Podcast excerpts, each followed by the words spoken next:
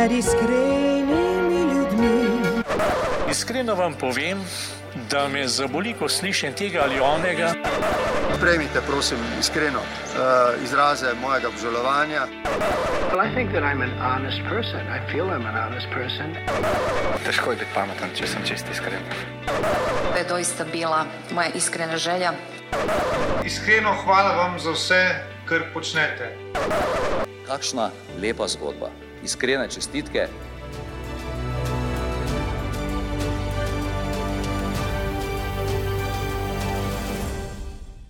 Drage poslušalke in spoštovani poslušalci, prisrčno dobrodošli v novi oddaji najbolj iskrenega podcasta, podcasta, kjer ne ustvarjamo mnen, ampak skušamo spremeniti kakšno srce. Moje ime je Dušan Poslek in danes v moji družbi z velikim veseljem pozdravljam gosta, ki bi lahko bil skupni imenovalec eh, naslednjim besedam, recimo epidemija, splet, duhovnik, priljubljenost, vloganje in tako naprej. Um, zdaj, verjetno ste nekateri izmed vas v tem opisu že prepoznali današnjega sogovornika, če pa ne ga boste pa zagotovo, ko se bo sedaj oglasil, ko ga pozdravim. Torej, Martin, pozdravljen in dobrodošel v najbolj iskrenem podkastu. Hvala za povabilo, uh, hvala, da sem lahko z vami in vas vse lepo pozdravljam, vas in uh, vse poslušalke in poslušalce. No, to je glas Martina Goloba, duhovnika, ki nas sedaj že nekaj časa nagovarja na takšen sodoben način, s pomočjo vlogov, s pomočjo prenosov uh, svetih maš preko spleta, z aktivnostmi na družbenih mrežah in tako naprej. Martin, če začnem malo na takšen hudomušen način, ne, lahko bi rekel, da si ti uh, obenem najboljši vloger med duhovniki in pa najboljši duhovnik duhovnik med vlogerji. Kaj praviš? Jaz se škoda, dajem sebi oceno. Je pa res, da um, v slovenskem prostoru um, nas ni prav veliko duhovnikov, ki bi vlogali. Uh, pred mano je to začel Janes Evangelist Rus, da ne vem, če še kaj tako. Drugače so tudi še duhovniki, ki imajo morda mečkano manj prepoznavne YouTube kanale, um, ki tudi ustvarjajo kakšne posnetke. Um, ten štarski duhovnik je zelo velik, včasih sem ga celo pri veruku uporabil, je opisoval zelo lepo zakramente. Um, kaj že on, iz glave mi je šel za njegov priimek, ampak um, ima kar nekaj teh zakramentov, lepo posnetih in igranih, uh, celo še bolj se ukvarja z videom, ker jaz se ne ukvarjam toliko z oblikovanjem videov, no to tam mi zmanjka. Um, prenašanje svetih imaš, nas je pa tudi zelo veliko duhovnikov, kot imam jaz en podatek. Sploh z prvega vala epidemije nas je bilo v Sloveniji okrog 180 duhovnikov, ki smo prenašali maše. Je pa mogoče res, da sem imel že neko maso sedilcev, ki je tudi pripomogel k temu, da so te svete maše mičkano širše ogledane. No, um, zato, zato mogoče pripomore k temu, da sem jih bolj prepoznaven na širši okolici. Um, tako. Ko sem pa dober, pa to, pa upam, da bo pa Bog, bo Bog sodel, verjeten. Uh, po vsej vrednosti bo tako. ja, uh, Martin, vseeno, ne, če se vrnemo malo na začetek, torej še čase pred tvojim vloganjem, oziroma še pred tvojim duhovniškim poklicem, v enem izmed uh, intervjujev s tabo sem uh, prebral, da tudi po vpisu na teološko fa fakulteto še nisi bil pripričan, da je pot duhovništva čisto prava zate. Da te tako le malo izovem, če ne bi bil duhovnik, ki si videl alternativo, kaj bi bil v življenju. Ja, jaz drugače um, mislim do, je bil čas iskanja v mojem življenju, um, je bil čas, ko sem um, se preizkušal v, v stvarih kot mlad fant. Uh, sem iskal mesto in način življenja, in smisel življenja, in uh, kaj bi bila lahko moja pot. Um, in nekako najbolj sem se našel, moje srce se je najbolj umirilo v misli, to, da bi bil duhovnik in v življenju spoznavam, da me je Bog um, vodil prav, oziroma uh, Bogu hvala, da sem imel dovolj moči in dovolj široko srce, da sem sledil temu klicu. Um, sicer pa kot zanimanje me je zanimalo tako, da bi delal kot z ljudmi, kot novinar, kar zelo rad tudi malo sprašujem, pa se zanimam za različne stvari človekovega življenja. Um, zelo rad sem pa delal doma na kmetiji. Um, jaz bi bil zelo rad doma na kmetah, um, delati z živalmi in naravo. Uh, edino, kar je tukaj, mi je manjkalo stika z ljudmi. Uh, jaz sem zelo rad z ljudmi in med ljudmi, in to je pa duhovniški poklic, najbolj blizu temu. Uh, tukaj sem pa res lahko skozi ljudmi. ti si eden izmed eh, tistih duhovnikov, ne, ki svoje poslanstvo širi tudi tam, kjer je trenutno prisotnih največ ljudi, ne, in to je na spletu. Povej mi, kdaj se je rodila v tebi ta želja ali pa misel, da začneš recimo snemanjem vlogo in potem to objavljati na spletu? Kaj te je sploh vodilo k temu? Drugače, da bi prav zelo močno krepenil, potem nisem. No. Um, jaz sem imel sicer že prej um, Facebook profil, ki sem ga ustvaril v prvem letniku teološke fakultete, to je bilo, mislim, da leta 2007, polk še let kasneje, še Instagram profil. Ampak to sem obrnil ne zasebno, niti nisem um, uporabljal to, da bi pretirane kakšne take stvari. Priznam, da včasih mi je bilo gor pretirano verske zadeve in tako naprej, tudi mehko naroden objavljati. Um, to je bilo pač v tistih letih. Um, potem pa kot kaplan, kot duhovnik, um, nisem se skrival za profili, ampak tudi nisem, da bi zdaj neki um, prav kateheze ali pa še misli objavljal, brke ne kakšne slike ali pa še dogodke. Pa tako, pa uporabljal sem Facebook vedno zaradi tega, da sem lahko se povezoval, uh, ali so šolci iz osnovne šole, srednje šole, uh, da smo nekako preko tega ostali v stikih. Um, pa zelo mi je prav prišel v času, ko sem bil kaplan. Socialna mreža so bile odlične za delanje skupin, a ne misijska skupina, mladinska skupina in to je bilo vrhunsko urode za take stvari. Uh, v leta 2018 um, pa me Aleteja pika si, uh, ekipa Aleteje, kar tako lepo me povabi k temu, sploh uh, prijatelj Lojze, ki je novinar pri Aleteji, um, da bi za njih posnel kakšen vlog, Jaz se sicer nisem jih predstavljal, kako bi to izgledalo, da duhovnik snema vlog, uh, ker sem bil mečkano, se pravi, jaz sem skozi gledal druge vlogarje, Ciril Komotar uh, in tako naprej. In oni pač so tako lepo znali predstavljati določene zadeve. Jaz pa nisem vedel, kaj je glih kot duhovnik. Mm, no, k temu je pol mogoče še tudi to pripomogel. Mojati, težko, pa nek kmet, pa tako težko razume, da duhovniki tudi kaj delamo, uh, ker pač znotraj župnišča se ne, ved, ne vidi vedno, kaj se vse znotraj dogaja. Um, in ne, tako sem hotel mehen predstaviti, kako duhovniško življenje sploh poteka. In tako pač po samem prvem ki je potem kar čez noč skoraj postal tako viralen. Um, zelo so se začeli potem tudi um, za, zanimati za mene, uh, razni uh, radi za medijske hiše, in z veseljem sem se odzival njihovemu povabilu. In um, to mi je potem naredilo tudi pač neko določeno število sledilcev, uh, prepoznavnost, zanimanje. Um, in to zgodbo sem nekako pel naprej. Tako da je, ni to, da bi zdaj rekel, da bi jaz potem prav želel ali pa krepenil, ampak pač sklep, sklep, splet okoliščin je do tega pripeljal jaz razlagam, da je pač čino bila že taka božja volja. Um, vse zadeve so se pelale zelo spontano, nisem, da bi zdaj, um, ne vem, prosil se v to. Sem si pa res rekel, da bom z veseljem se odzval vsakemu povabilu in kot duhovnik uh, je moja dolžnost, da dajem odgovor, kar se tiče verske vsebine, uh, da dajem odgovor glede mojega načina življenja. Eh, da dajem odgovor glede pač življenja crkve in tako. In zato sem z veseljem pač sprejel tudi vsakega novinarja.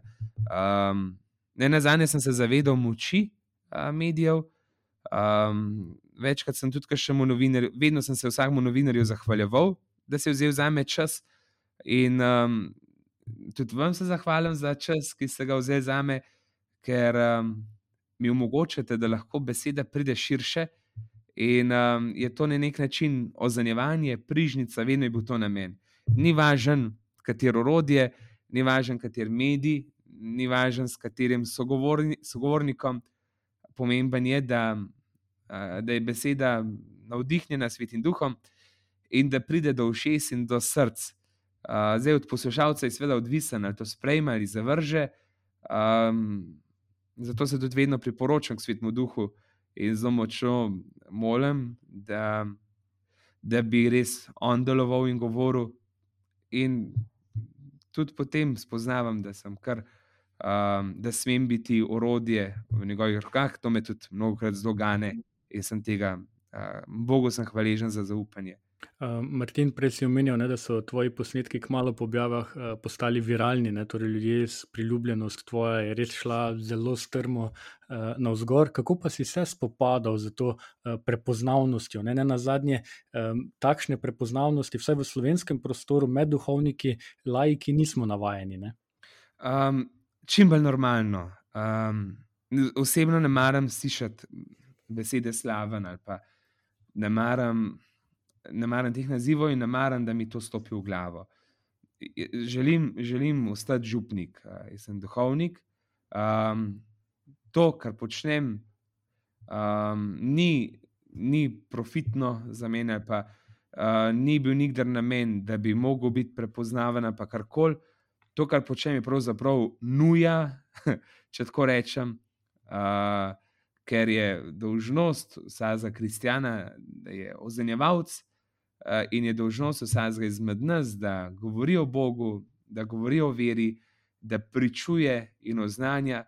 Um, je pa to včasih tudi um, zelo težko, ker um, vem in se zavedam odgovornosti, ki jo s tem nosim, in um, pomeni, da moram biti tudi zelo živetnik kot disciplina v življenju, en red, eno močno duhovnost, zredno svetospovedjo um, rednim prejemanjem zakramentov in tako, in iz tega skušam živeti. Um, dejansko živim eno zelo konkretno duhovniško življenje, uh, zato ker um, zasebnega življenja pravzaprav ni, razen, razen zvečer, ko se zaprem v spalnico in zaspim.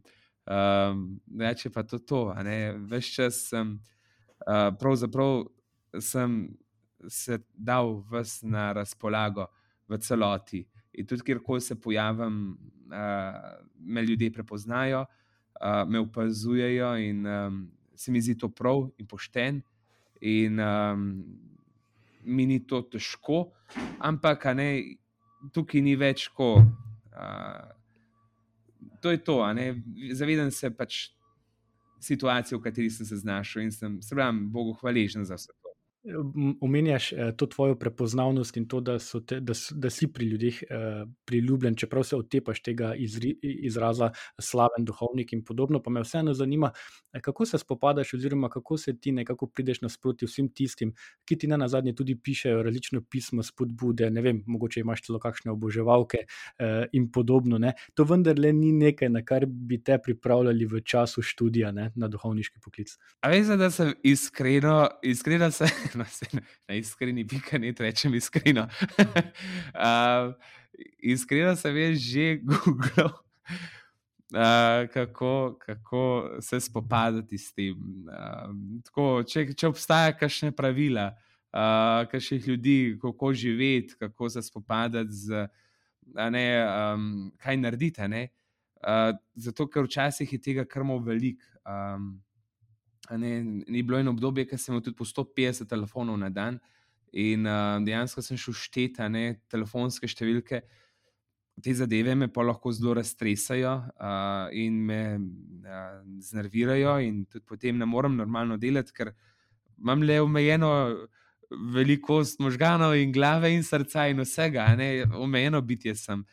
Um, no, tako in um, nujno z disciplino in redom, tudi z enim pač zavedanjem, da sem najprej župnik in da, da vse to pravzaprav najprej nujno poskrbim za stvari, ki so nujno potrebne v moji župni.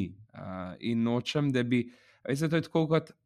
Tudi, če bi bil zdaj jaz nek družinski oče, uh, bi bila moja prva dolžnost, da poskrbim za družino, za otroke, ženo, in, um, in šele potem, recimo, za vse zunanji svet. Um, no, in enako tukaj le.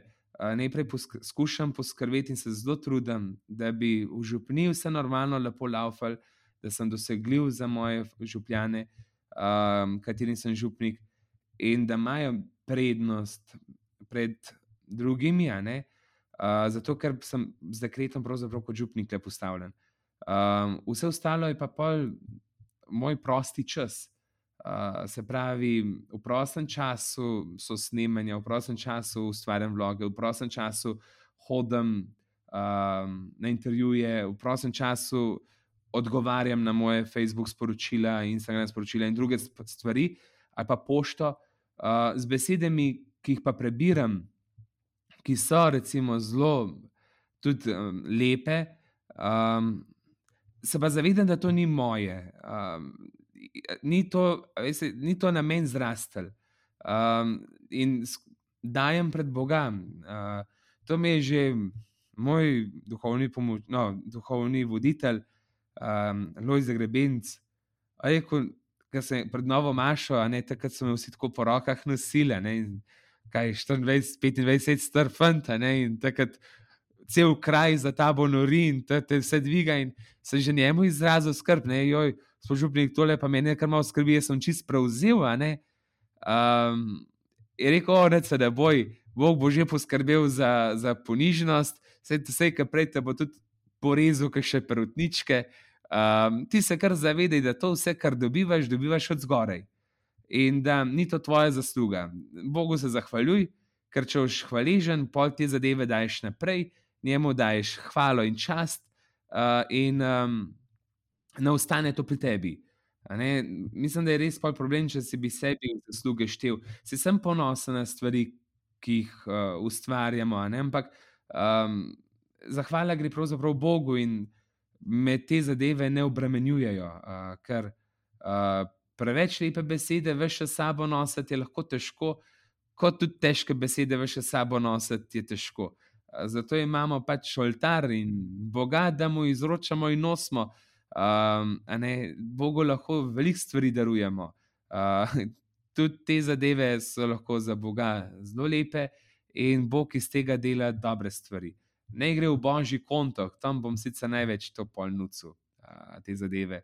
Tako da odmislim te zadeve. No, um, imam ogromen pok pisem, um, mnogih prošenj, mnogih pričevanj, um, mnogih osebnih izkušenj ljudi, ki so pisali.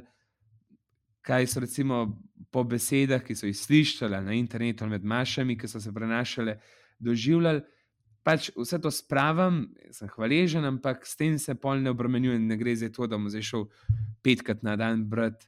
Um, mislim, ni to moja hrana. No, uh, to je, je potrditev, uh, sem rekel, Bogu sem hvaležen, ampak gremo naprej. Ker apostol Pavel pravi, če misliš, da stojiš, pazi, da ne padeš. Mm -hmm. Uh, Martin, povej mi, kakšni so pa recimo odzivi uh, tvojih sobratov, duhovnikov ali pa ne na zadnje tvojih, ajde bomo uporabili izraz nadrejenih, torej škofov na to tvoje delo. Ne? Ti vseeno prinašaš svoj, svojo pojavnostjo eno novost tudi v slovenski medijski prostor, tudi v smislu pojavljanja duhovnikov v javnosti. Zdaj, različni so, veliko dobivam tudi strani duhovnikov, um, zelo lepo podporo.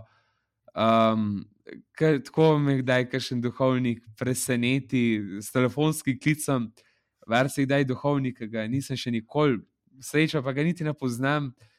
Um, ne vem, sej, no, povem iskreno, bilo je že dvakrat tako, kot človek tudi. Um, Ki misli, ki ne veš, ali delaš prav ali ne delaš prav, ali pa se tudi včasih se znajdeš v, v, v trenutku teme. In pol krene nazaj številka, mislim, telefonska številka je že, ne, tako, pa se javiš, pa ti, klele, se veš, župnik, klele, pa gor. Sam to, da te pokličem, vsi spoh ne vem, zakaj te kličem, ampak da ti povem, da dobro delaš, pa da sem vesel, ne tako, pa te kar dvigne in ti da krila in zagon. Ne, te, tega ni tako malo, no? tudi uh, mi je zelo lepo, ker me marsikaj še starejši duhovniki, predvsem, povabijo v svoje župnije. Uh, in imajo imajo za gosta, za kakšne misijone, ali pa za kakšne mladinske sreče, ali pa za starejše, da se osebno srečamo. In tako, in, uh, tako da tu, preko vsega tega vidim, da je tudi neka hvaležnost, podpora ali pa to. Um, ja, pa tudi, no, pa tudi, tudi duhovniki poskrbijo za to, da so kdaj malo bolj ponižen, uh, da, da povedo svoje iskreno ali pa iskreno pač mnenje. Uh, moji nadrejeni, veliko, prav veliko se ne ukvarjajo z mano, edin, če kdaj kašo besedo preveč rečem, čas se tudi to zgodi. Pa če veliko govoriš, včasih tudi kakšno bedasto beknem. In uh, tako zelo hitro me pokličajo, uh, zelo hitro povedo. pa, pa sem caj tam malo potrt, ne dva dni ponovadi traja, pa sem pa spet isti. Uh, Prvi že tako deluje. No? Uh, da, bi zdaj, da bi zdaj prav uh, me pa kam tlakval, ali pa da bi zdaj, ne vem, me vsak teden večkrat v klicu v smislu, hej, kako pa fajn, uh, tega pa ni. pa je čisto redo, tako kot je.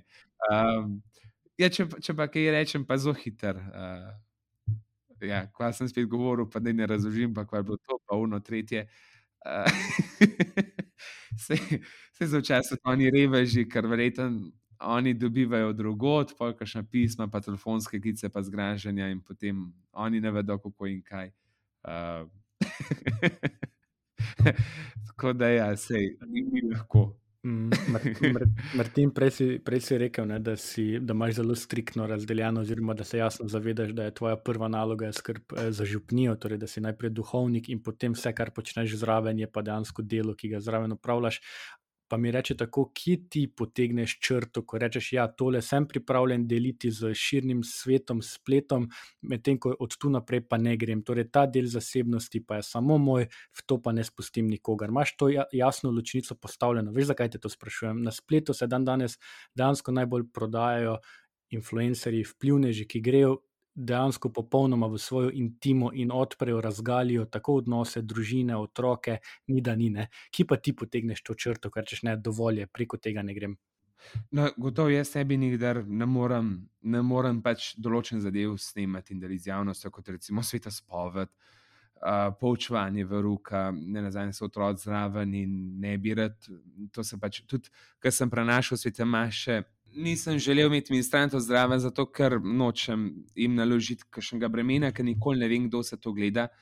Um, ne snemam se v kopalnici v tem smislu ali pa v spalnici, tukaj je neka, nek prostor, kjer je pravzaprav samo moj. Um, ne bi šel v kakšno koloto. ne, uh, ker sem vedno influencer, ko vprašam, ti jaz bi furat bil ful velik followerjev, kaj ni naredi, imaš še na svet, ne? Eko ja, majico, da je dol, pa bolj pred sveče, ne? Iskreni. a ne, um, mislim, tako je, a ne, um, na taka realnost, tako da te zadeve so malo odkole, no, um, bi kaših očivih ne bi, ne bi šel nikdar, kakšnih takih osebnih, da bi ljudi izpostavljal, kakšnih takih trenutkih, kot recimo poslavljanje od bližnjega, ne, ne nazaj, kot duhovnik, sem zraven pri pogrebih in tako. To so pač prostori, ker pač um, ne, ne paše vse. Ne, in um, skrbim za neko zasebnost, um, skrbim za neko. Kar se tiče pogovorov in tako, um, ne vem, pa da bi. Pravzaprav mislim, da ni teme, o katerih ne bi govoril. Um, in mi ni težko, ne na zadnje, kot sam, nimam kaj skrivati, um, nimam nobene take stvari, ki bi lahko, um, ne vem, ki ne bi mogel razodeti uh, uh, svetu v tem smislu, kar um, sem. Um, to je pa to. Um, bolj, se tiče drugih, no tako, bolj kar se tiče drugih pa, pa mehen držim, to mi zelo veliko pomeni. Da, zelo sem navezan na nek prostor, kjer sem lahko samo jaz. Uh, in tisto me tudi pomička ohranja pri sebi. Um, kot da, um, recimo, še spalnica, kopalnica in to ti deli so. Uh, ti prostori so bolj kot ne moji zasebni in tudi tam se počutim tako. Uh, Um, ne snemam, pre, da bi prav preveč izpostavljal, veliko govorim o svoji domači družini, tako da izhajam, jih pa ne želim preveč slikovno izpostavljati, ali pa da bi tako, ker jih hranim za sebe. No, um, Določene zadeve nočem tako, ker deliti. No, Ampak mislim, da je to to. Mm. Si pa tudi ti, ne kakorkoli obrnemo, si tudi ti zdaj del uh, nekega medijskega uh, sveta tukaj v, v Sloveniji, hočeš nočeš, pač to, to prinaša sabo popularnost. Na, na, Povej mi, kako pa doživljaš recimo ti poročanje o cerkvi, o duhovnikih strani drugih medijev, ne? kako doživljaš pogosto tudi precej kritične poglede, poglede ki dejansko marsikdaj tudi niso realni. Ne? Mislim, vsaka stvar me zaboli, um, vsaka slaba novica, ali pa vsaka taša, pa drugače, resnična, pa ne resnična. Ne, moj odnos do crkve, pa do duhovnikov, do kristijanov je odnos kot do družine. In če ti v enem članu družine grdo govorijo, in tako naprej, pač te zaboli, meni men ni vseeno. Um, in poznam tudi, recimo, manj lepe zgodbe ali pa manj, manj lepe izkušnje, um, ki so jih doživljali določeni posamezniki, tudi krivične zadeve. In um, me prizadene, sploh recimo, ko poznam osebno eno in drugo stran. Ne poznam recimo. Novinarja, ki nekaj objavi, in poznam tisto stran, ki je bila objavljena, pa v kateri se je govorilo, in vem, da je včasih to zadnji tudi boleče. Um, zdaj, kaj, kaj jaz brke ne lahko molim, lahko se osebno pogovorim, nikdar se pa ne spustim, da bi javno ali blatu, ali pa javno kritiziral, ali pa javno kar na počes. Um, Enkrat, dvakrat sem mogoče to v svojem življenju naredil, in zmeraj se mi je slabo končal zato ker sem ali koga prizadel, ali sem pa naredil komu krivico. Um, nikdar ne bi šel v, a pa mogoče ne vem, da bi šel kar javno obračunavati ali pa tako, ali pa najslabše kupčije javno preko socialnih omrežij delati. Te so, te pač, to je najslabše, ko potem upleteš, oziroma neko skupino ljudi pravzaprav razdvojiš na dva pola eni se strinjajo, drugi se ne strinjajo, in potem je brezvezno kreganje. Um, tako da, ja, če me vprašate, kako to doživljam, slabe stvari, ki se v cerkvi dogajajo, pa če so dobre, pa mislim, če so po krivici ali pa po pravici, vedno me to malo žalosti, ampak vedno pa rečem, bom skušal biti jaz boljši. Ker jaz ne morem cerkve spremeniti, pravzaprav crkvu z veliko začetnico, če ona lahko mene prenaša, lahko tudi jaz njo prenašam. Mm, super. Um, ena izmed teh, ena izmed teh uh, novih eh, realnosti, ne, v katero smo bili potisnjeni v času epidemije, torej spremljanje maš preko spleta, preko televizije, uh, je na drugi strani tudi prineslo to realnost, ne, da so maše ponovno prišle v veliko več slovenskih domov kot, kot običajno. Vsaj moj občutek je, je takšen. Ne, tudi tisti, ki predtem mogoče niso hodili v crkve, si marsikdaj so prižgali mašo, so jo spremljali na takšen način. Kako pa ti doživljaš to priljubljenost, oziroma kakšne, kje ti vidiš eh, prednosti ali pa slabosti ravno tega, da so se maše v tem času preselile na tehnološka sredstva, na sredstva, ki nam pač omogočajo spremljanje od doma? No, svete maše prek interneta, prek spleta, preko Facebooka in vse to, um, preko YouTuba, imajo na veliko prednost um, in sicer vsaj poslušanje Božje besede um, ljudje, ljudje prisluhnejo uh, božji besedi, prisluhnejo razlagi božje besede. In jaz sem pač božja beseda, ni važno, po katerem kanalu gre. Božja beseda pač človeka, če je odprt, saj malo ga nagovori. In um, tukaj, le, tukaj le, se mi zdi, da je ogromno ljudi pravzaprav kar prisluhnilo, um, jih je v nečem nagovorilo um, in, in jih je pravzaprav k nečemu tudi spodbudil, če ne drugega, vsaj malo k razmišljanju. Um, vem, da se je tudi marsikšen stereotip o sveti maši in tako naprej malo zgubil. Uh, trudil sem se. Jaz sem zelo trudil se pri svetih mašah biti zelo preprost. Um, tudi zelo konkreten, um, zato da je čim bolj širša populacija ljudi zastopila. Um, ne, mi moramo se zavedati, da 90% pač nas je birmansko izobraženih, um, kar se tiče vere, in mora biti temu primerno, mora biti tudi evangelizacija, ne, jezik. Ker se mi zdi, da je včasih zelo problem jezik, ki ga uporabljamo. Um, jezik po internetu je vse nekaj drugačen kot je jezik v tem, če imaš ljudi v živo v cerkvi. Um, tako da, glede tega, jaz mislim, da je to en velik plus bil. No, um, veste, tudi um, ljudje, ki še imajo stram, je to crkvu. Um, Krši so se v cerkvi, se v cerkvi tudi slabo počutijo, s takšnimi drugačnimi izkušnjami, včasih, ali pa preko interneta se ljudje mičkano skrijejo, pa vseeno prisluhnejo. Ker je v zraku tudi če mehen ta, ta pojav, ne, uh, da te gledajo, kdo greh imaš, kdo ne greh imaš. Pač imamo, imamo ogromno nikodemov sodobnega časa, in Jezus ima tudi za nikodeme sodobnega časa posluh. Uh, in moramo tudi take sprejeti. Ne, um, ne moramo kar od vseh vse pričakovati. Tako da za te ljudi je bilo to zelo dobro, da ne omenjam, da so bile te svete maše tudi zelo tolažilne za mnoge bolnike, ostarele, unemogle, pa slovence po svetu. Oni so tako žejni slovenske svete maše um, in tako so žejni slovenske besede.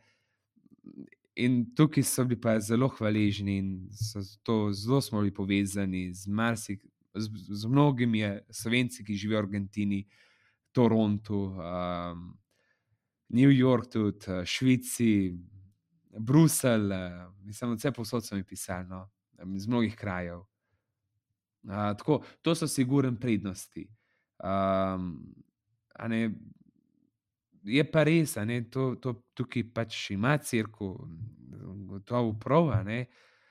Sveta Maša je tista prava sveta Maša znotraj občestva, ko se zberemo v crkvi. In jaz samo molim, da bi ti ljudje, ki smo bili zdaj dnevno skupaj, uh, naredili še ta korak iz uh, naslonjača v župnijsko crkvu, k domačemu duhovniku. Um, in tudi molim to, da bi jih domači duhovniki lepo sprejeli z eno toplino in veseljem, ne, um, ne z naveličenostjo ali pa mrkim pogledom, ali pa kva pa vi kleli, ali pa ki ste pa prej bili, ali pa ne vem. Včasih imamo res nerodne, ne. Um, pač se zavedam, imamo pač duhovnike, včasih tudi tako nerodne, da če bi bil jaz privatnik, jih niti v službo ne pozel. Um, pač tako je, ne. Uh, Martin, uh, ja, ti izzivi okoli prihodnosti duhovništva, ne, oziroma števila duhovnikov v Sloveniji, so vedno znova zelo uh, aktualni. Pred časom smo tudi posneli en podcast ravno na to temo, kam se, bojo, kam se razvija, oziroma kam gre ta pot po številu duhovništva in prihodnosti uh, v Sloveniji. Povej mi, kako pa ti, recimo, uh, vidiš prihodnost um, tega krščanskega življenja oziroma občestva v Sloveniji, predvsem v smislu, da vedno manj duhovnikov uh, skrbi za uh, župnije, za vernike. Mislim, so, so duhovniki, ki se zelo trudijo in se zelo razdajajo. Teh je ogromno in te so mi zelo velik vzor. Občudujem te starejše duhovnike s kašo ljubeznijo, živijo z ljudmi in v župni. In um, kako, mislim, to je včasih tako lepo videti, kaj še te duhovnike, da film posnel. No? Zdaj sem šel tukaj le uh, mimo ene župnije in je župnik v talarju, pa star gospod. Prvo vhajence, pripravljeno na prvo kajlo. Vse je sicer okoli njega skakalo, meni ga ni poslušal, ampak konči se bo, ker je star ata in bil tam z njimi mamice so bile vse sozde, ki so ga opazovali, kako on tam ljubeznivo jih. Ko, ne, imamo v slovenskem prostoru ogromno dobrih duhovnikov, ki se zelo trudijo in um, jih imajo ljudje zelo radi, in ti duhovniki svoje ljudi zelo radi. Um, veste, samo ne, teh se ne vidi vedno toliko. Um, Pomo pa pač se je tako, kot v vsakem kadru, je nekdo tudi, ki ima krivulje, riše in tako. Um, jaz sem zelo optimističen glede prihodnosti, zato ker naše življenje in življenje cerkve in nasploh krščanstvo, vse to je v božjih rokah. In um, cerkev kot taka, tako na umko je propadla, Diho, duhovnikov nas je toliko, kar nas je, očitno toliko molimo za njih. Um, Bog bo že poskrbel za delavce, ampak to ne pomeni, da zdaj pač rečemo, da oh, se bo kar bo, ne pa bomo kar mu ukinjali. Ne, to pomeni pač narediti res truce, prizadevaj se, vlagaj, če so to. Ne, to ne pomeni zdaj, kar križem rok, da bo Bog že naredil. Bog bo naredil, ampak um, ti, pa, ti pa tudi izvršuj tisto, kar ima za izvršiti. To pa pomeni biti oče sto na uro. Tukaj le gledam moje farane in očete, uh, in nekateri očetje se res žrtvujejo za svoje družine. In še enkrat s tako ljubeznijo moram tudi jaz se truditi. Um, ampak mislim, da prihodnost je lepa, uh, je tako, kot je. Um, da bi zdaj se prav na trepalnice metu, ali pa da bi zdaj se zaprl v en prostor rekel, da se ne, ne, ne da narediti, mi smo itek propadli, pa to, to pa nikakor ne. To pa, dokler, dokler imamo svete krste, dokler se rojevajo otroci, Bog nad nami ni obupal. In um, dovolj, dovolj je lahko ena, en močen, bodoči svetnik, ki lahko nagovori toliko in toliko src in jih pravzaprav navduši za Boga. Um, ne rabimo mi zdaj, pač imamo tako, kot je. Mene tudi včasih skrbi, kdo me bo pokopal, ampak sem vesel, ker se je brat odločil za duhovnika, tako da imam neko zagotovilo. Super, evo ta optimizem. Mislim, da je prav, da ga delimo tudi v, v naših eh, podcastih. Zdaj smo zdaj smo nekako se obrnili eh, na prihodnost eh, duhovništva, župni in podobno. Eh, Obenem bi te rad vprašal še nekaj. Ne? Letos praznujemo tudi 30 let eh, naše države. Eh, povej mi, kako pa to gledaš, ne? kako gledaš eh, našo državo, našo Slovenijo, ki vidiš prihodnost. Vedno znova se nam zdi, ne, da smo ljudje vedno bolj razdeljeni, vedno bolj prepričujemo, prepričane, um, pa vseeno to verjetno ni najbolj uh, realna slika, kje pa ti vidiš, oziroma kako ti dojemaš našo državo, oziroma kje vidiš uh, njeno pot naprej. Zdaj, ja, zdaj, če dvisem, kaj bereš in kaj gledaš, pa imaš spet tak občutek, pač, kot je. Jaz imam drugačno mnenje v moji državi ali pa v naši državi. Da vem, tako lepo v vseh, ki se ljudje dubemo na gasilski veselici, vidim, da se imamo lahko zelo fajn. In da pa ne vem, vidim, da pri kakšnih večjih športnih dogodkih znamo zelo skrb stopiti. Vidim, da, da če je treba kakšen denar zbrati za koga, smo lahko zelo radodarni. Uh, vidim, koliko z veseljem pridemo zraven, kaj še prostovoljne dejavnosti, PGD, ko imamo mi v Sloveniji PGD-jev, mislim, več kot crkva. Uh, in koliko je tukaj njih članov, a ne prostovoljnega gasilskega društva, in koliko je zraven tudi ne mladine, mislim, imamo ogromno njih dobrih stvari. Uh, koliko imamo njih veselih ljudi, ki hodijo po planinah, ki kmetuje, ki deluje, koliko je njega prostovoljnega dela vlagajo, pa je tukaj Karitas, pa je tukaj Rdeči križ. Mislim, ajde, če pogledamo tako lepo v vseh, koliko je tudi med njimi in druženja, uh, koliko, koliko tem, kakšne mame skrb stopijo. Jaz imam občutek, da bi bil ne vem, kakšen apokalipsa v zraku. Je pa dobro, spet res, ne, če pa včasih malo tako beremo, pa imaš pa res občutek, da smo skozi neki fronti. Zdaj, jaz sem duhovnik in kot duhovnik skrbim za duše ene in drugih. In skrbim za človeka, ker vsak človek ima neumrljivo dušo, čisto vsak človek. In za čisto vsakega, ko piše sveto pismo, je Jezus šel na križ. In za vsakega je vstal, in vsak mu je, za vsakega je odprta možnost, da pride do nebesa. Jaz sem tukaj, ki pa pomagam ljudem priti do nebesa. In, uh, ne, s tem, da delim zakramente ne da jaz presojam, kdo si zasluži in kdo ne zasluži. Uh, eh, zakrament se noben ne zasluži. Um, zakrament sprejmeš v moči vere, to je edini indikator. In jaz bolj na to gledam. No? Um, tako da da bi zdaj jaz um, nikakor nočem biti strankarski, uh, ker, ker v cerkev hodijo predstavniki vseh strank, ali pa ne vem, volivci vseh strank. Ne. Jaz ne vem, kdo vse hodi v cerkev, ampak vem, da ni samo ena stranka prmaš. Ampak da ločem, ločem da pri mojih svetih mašah nočem, da ljudje dobijo občutek, da gledajo poročila.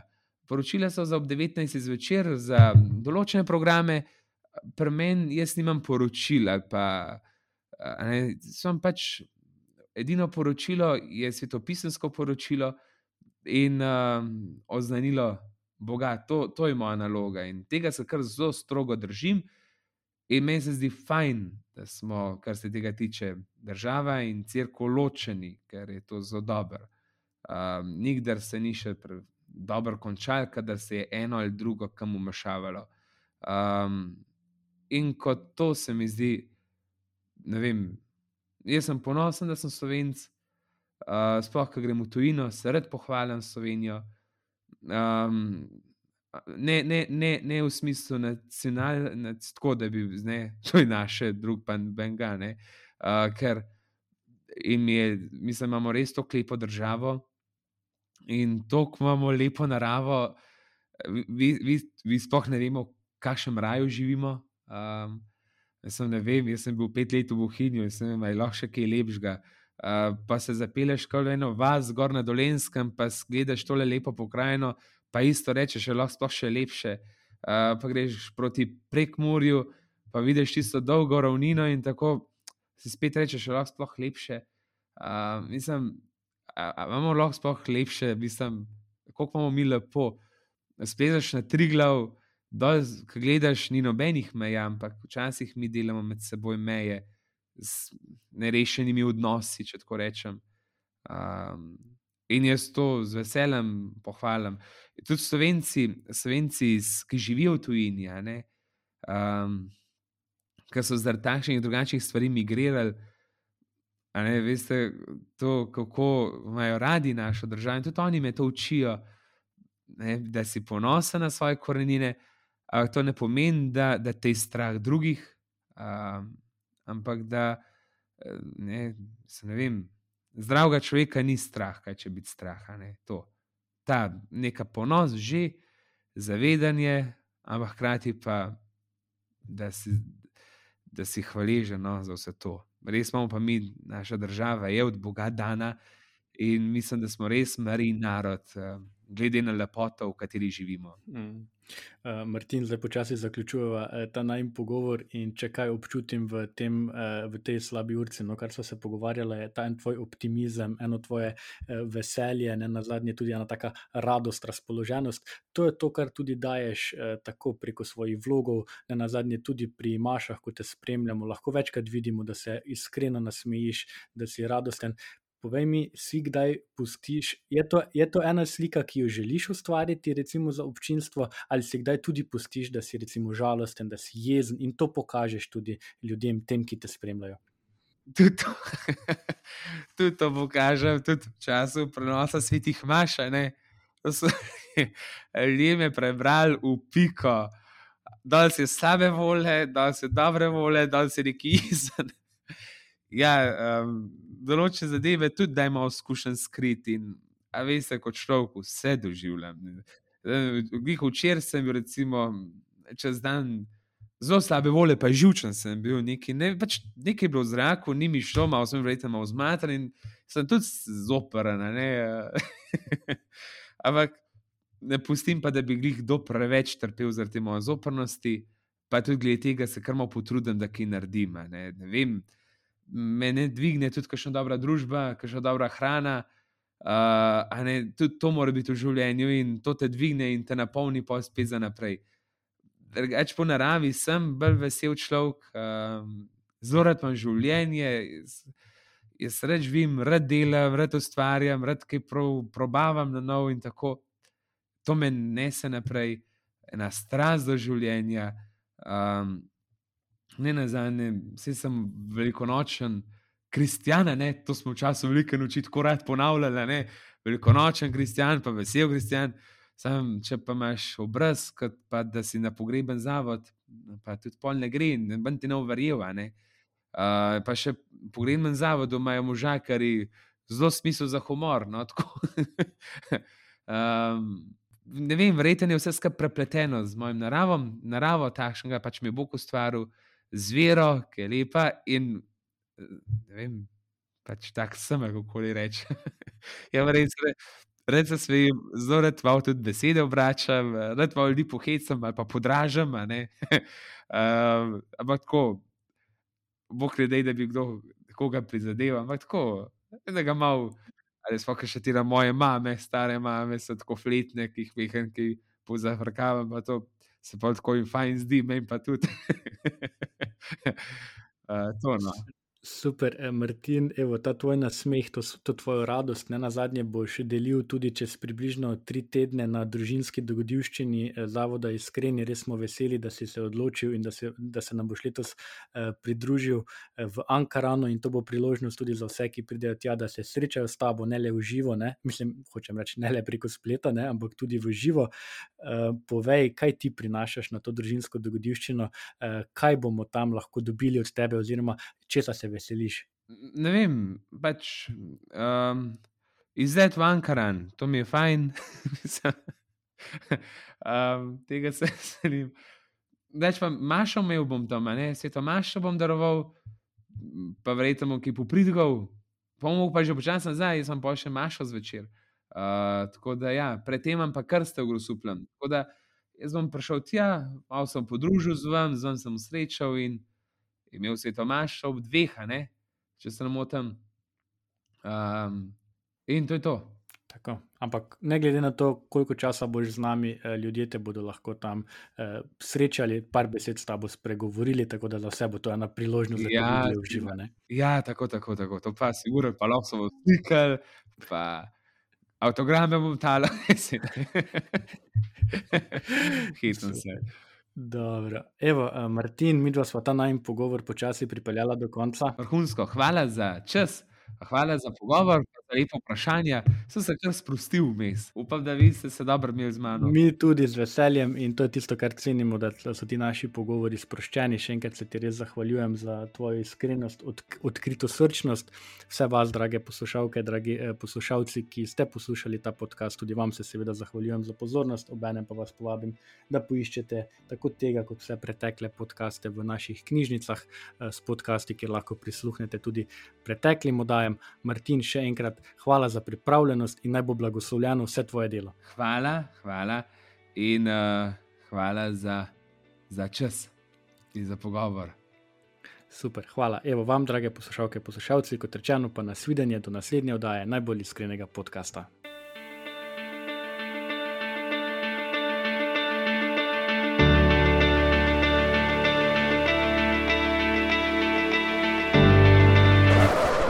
Med iskrenimi ljudmi. Iskreno vam povem, da me zaboli, ko slišim tega ali onega. Prejmite, prosim, iskreno uh, izraze mojega obžalovanja. Well, I think that I'm an honest person. I feel I'm an honest person. Težko je biti pameten, če sem čest iskren. To je doista bila moja iskrena želja. Iskreno hvala vam za vse, kar počnete. Kakšna lepa zgodba. Iskrene čestitke